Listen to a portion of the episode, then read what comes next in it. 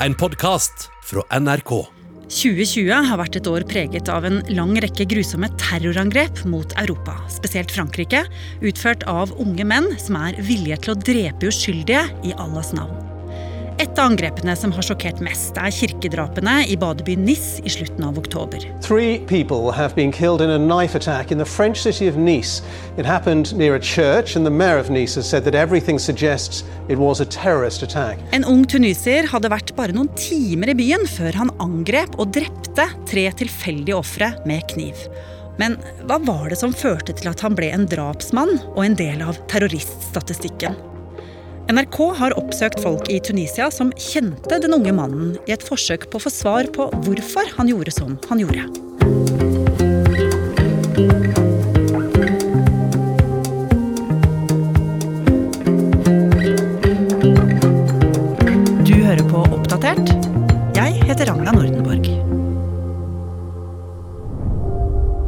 Dette angrepet skapte mye frykt i Frankrike, for i fransk politi visste ikke heller noe som helst på forhånd. Så angrepet kommer helt fra det blå. Mohammed Alayoubi har reist verden rundt og dekket mange konflikter i løpet av sine 22 år som fotograf og journalist i NRK. Det kom jo som et sjokk på Frankrike og skjedde bare 14 dager etter drapet på den franske læreren Samuel Paty i Paris. Og et spørsmål som melder seg, er jo hvorfor disse mennene blir terrorister. Og ikke minst hvem de er, og hva som motiverer dem. Og akkurat når det gjelder NIS-terroristen, så har jo du forsøkt å danne deg et bilde av hvilket liv han levde før han ble terrorist. Og hva har du funnet ut? Jo, jeg har funnet veldig mye. Altså, jeg har funnet ut hvor han bodde, hvor han arbeidet, snakket med kameratene hans. Eh, men jeg tror først og fremst vi skal snakke om hans oppvekst. Og den skjer i Tunisia, helt nord i Afrika, på begynnelsen av 2000-tallet, i en by som heter Safakis. Safakis er jo den nest største by i Tunisia. Og den er jo en havneby eh, som ligger sånn plassert ved Middelhavet at hvis du har en utrolig sterk kikkert, så kan du nesten se til sydspissen av Italia. Og der vokser det opp en liten gutt som den yngste av ti søsken i en ganske fattig familie som heter Isawi. Og gutten sitt navn er Ibrahim. Ja. Og hvordan utvikler livet til Ibrahim seg? Ibrahim gjør det ikke så bra på skolen og dropper ut etter å ha fullført barneskolen. Noe som betyr at han praktisk talt er analfabet. Så det Ibrahim gjør, er å begynne å jobbe som bensinselger. Men det er ikke på en bensinstasjon slik vi er vant til med i Norge. I Tunisia er det nemlig mange som sitter på gata med kanner og store oljefat og selger bensin til folk som kjører forbi. Ja. Og Ibrahim var en av dem. Ja, han hadde en fast plass i en støvete gate som heter Tina Street, midt i et arbeiderstrøk i Safakis. Og folk i nabolaget visste at der satt Ibrahim, hver eneste dag under et metalltak og solgte bensinen sin. Men så, den 20. september i år, var han borte. Plassen der han satt var tom, og ingen visste hvor han var. Og så, fem uker seinere, skjer det forferdelige.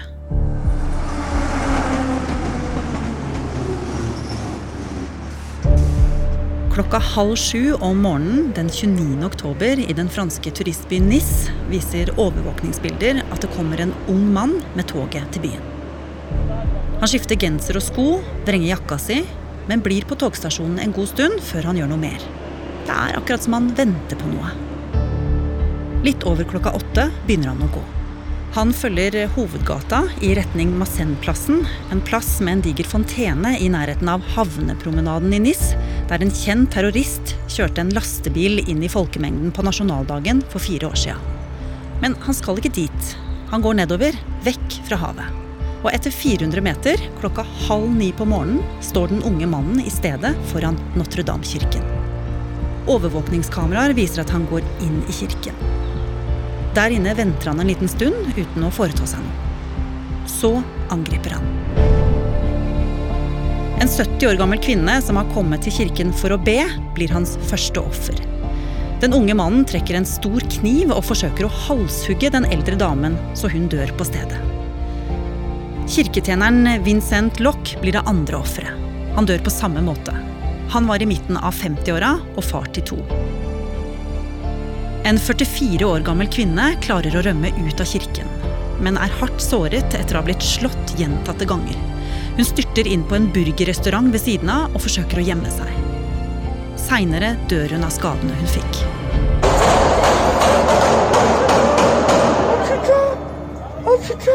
Minutter seinere ser naboer at politiet står utenfor den digre steinkirken og skyter på noe der inne. Oh Så blir det stille. En stund senere bærer de en blodig bandasjert mann ut på båre. Det er gjerningsmannen. Han har fått mange kuler i kroppen, men han lever. More details coming in at the moment, but it happened now at about nine o'clock or just before nine o'clock local time. That's just uh, over two hours ago. Da dette skjedde, var jeg på jobb og så på nettsiden til TV-kanalen Al Eh, den arabiske TV-kanal basert i Dubai, at en tuniser hadde eh, drept tre mennesker i en kirke i Frankrike. Hva tenkte du da? Først og fremst syntes jeg dette var en forferdelig hendelse. At eh, en uh, ung tuniser angriper uskyldige mennesker. Men samtidig tenkte jeg at vi må finne litt mer om hans bakgrunn. Finne litt mer om terroristen, og hvorfor gjorde det han gjorde. Så hva gjorde du da? Jeg har jo vært i Tunisia mange ganger på reportasjeturer.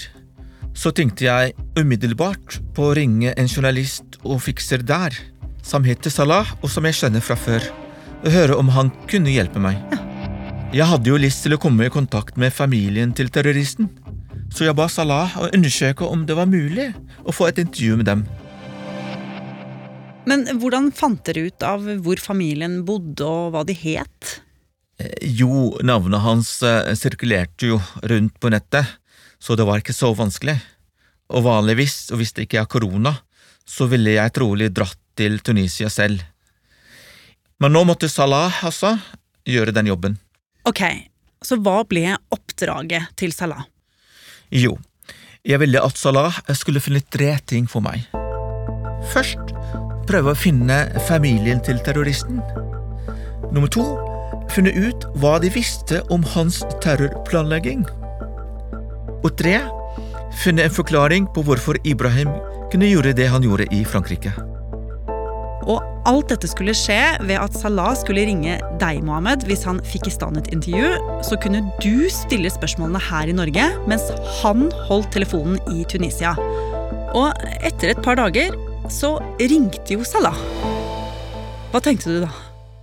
Jeg ble utrolig glad og overrasket, fordi Salah klarte jo å komme inn i stua til terroristens foreldre. Og så klarte å samle kompisen hans, naboen hans og faren også i tillegg. Og det ble jo utrolig spennende å snakke med faren til terroristen, som hele verden snakker om. Nå står han foran Salah og på telefon på linja med meg i Norge. Hallo, marhaba. مرحبا آه كيف الحال؟ الحمد لله آه أنا اسمي محمد الأيوبي أنا صحافي من التلفزيون النرويجي شو أخبارك؟ الحمد لله نستنى في الفرج من ربي إن شاء الله Ja, og her hører vi jo at du og faren til terroristen snakker. Men hva er det dere snakker om? Ja, Først og fremst måtte jeg være høflig, for det er en utrolig forferdelig situasjon at hans egen sønn er jo innblandet i en stor terroroperasjon. Et angrep som hele verden snakker om. Jeg måtte liksom forklare liksom, Vi beklager at vi ringer deg fordi dette, vi vet at det er vanskelig, og, og, og, jeg hadde ønsket at vi kunne snakke med deg før dette har skjedd. Men nå vi er her, og, og vi takket han for at han, vi fikk lov til å komme inn i hans stua og diskutere det forferdelige som hadde skjedd. انه كيف كيف هو كان كشاب يعني كطفلك يعني كيف كان هو بالبيت؟ كان كان يخدم آه، على رويعته من الدار للخدمه ومن الخدمة للدار ما عنده لا وين يمش لا وينيه ومترنت ان غون ليسوم سو سو سان min sønn har ikke gjort dette her. Min sønn er veldig snill. Han بار og kom hjem. Han eh, var en snill gutt. Han. Og så sa han noe som var veldig interessant. Han sa min sønn har aldri hatt kontakt med folk med lange skjegg. Det er akkurat som om han prøver å si at han har ikke blitt radikalisert eller møtte noen som var ekstreme islamister. Så faren hadde ikke noe tro på at sønnen hadde blitt radikalisert, og at han dermed heller ikke hadde gjort det han var beskyldt for å ha gjort i NIS. Men noe var det jo han hadde oppdaget ved sønnen som hadde endra seg den siste tiden. Det var noe at hans egen sønn hadde drøm om å reise til Europa. Han hadde drøm om å gjøre noe med sin egen fremtid. Han har blant annet spart alle midlene han tjente fra bensinsalget på fortauet, og at han skulle ha lånt 900 euro, omtrent 9000 kroner, av en kamerat. Og de pengene hadde han jo brukt til å reise til Europa. Først til Lampedusa, og så hadde han kommet seg over til Frankrike. Og han hadde jo også ringt søsteren sin Mohammed faktisk dagen før angrepet fant sted i NIS, og fortalte at alt var bra. Men likevel så mener faren og naboen som hadde dukka opp for å snakke med deg, og vennen, at det ikke var han som hadde drept de tre menneskene i kirken i NIS. Ja, de var helt sikre på at det ikke var han, at Ibrahim var en snill og grei gutt, han gjør ikke slike ting. Så da måtte jeg prøve å gjøre noe for å overbevise dem. Det ble nemlig tatt bilder av terroristen inne i kirken etter at han var skutt. Og det ene bildet det fantes i en usladda utgave, der man krystallklart kunne se gjerningsmannens ansikt. Han ligger på ryggen på kirkegulvet, nesten uten klær, etter at de har bandasjert alle skuddskadene hans. Og dette bildet sendte Mohammed til kameraten som var hjemme hos faren til terroristen, mens de snakka sammen. Og hva sa kameraten da han fikk se bildet av vennen sin ligge der hardt skadd på ryggen?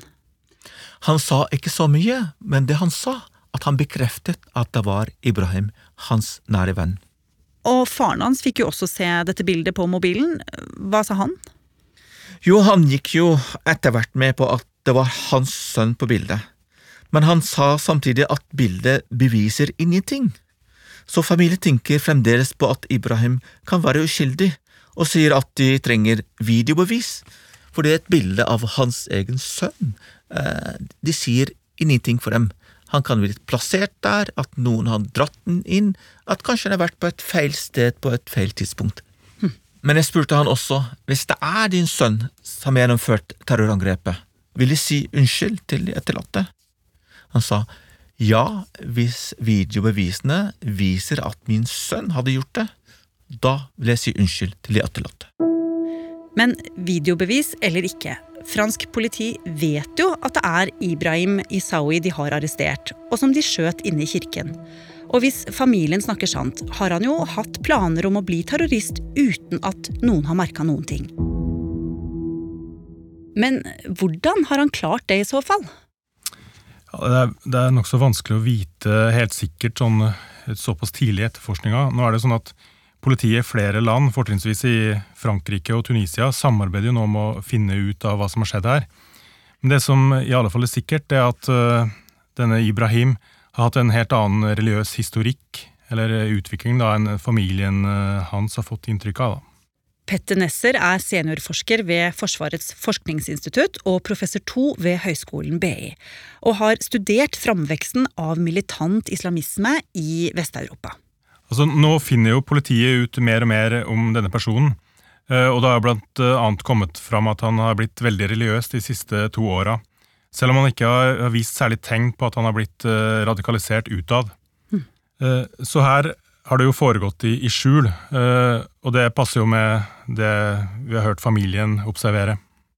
Men eh, sier du nå at han kan ha vært helt aleine om det?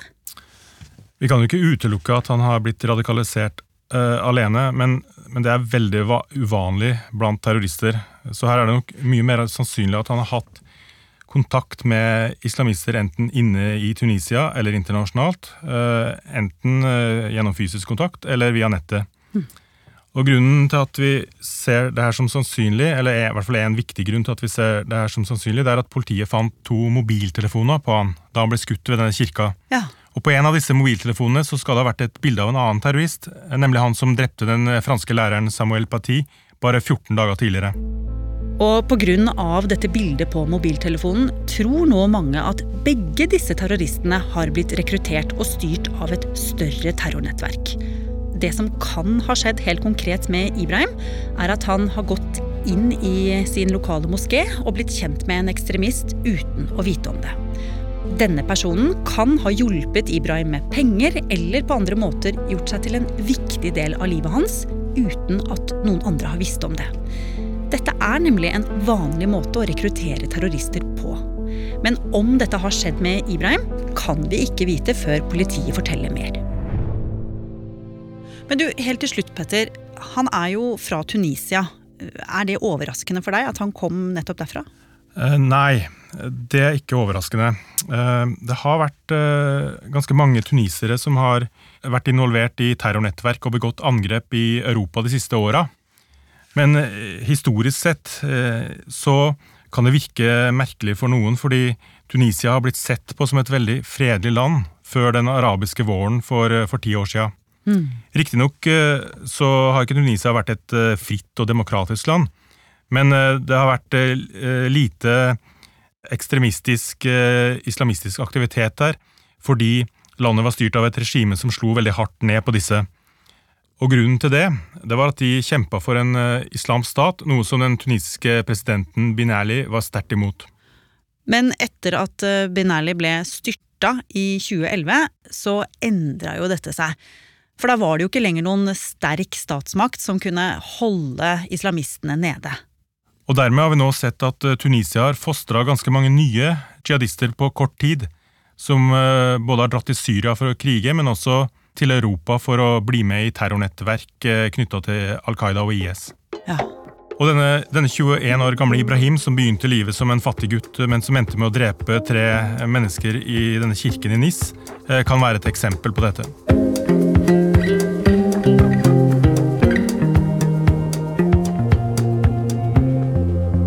Har du lyst til å bli fast lytter av oss i Oppdatert og få påminnelse om nye episoder, så er det bare å abonnere på oss i NRK radioappen.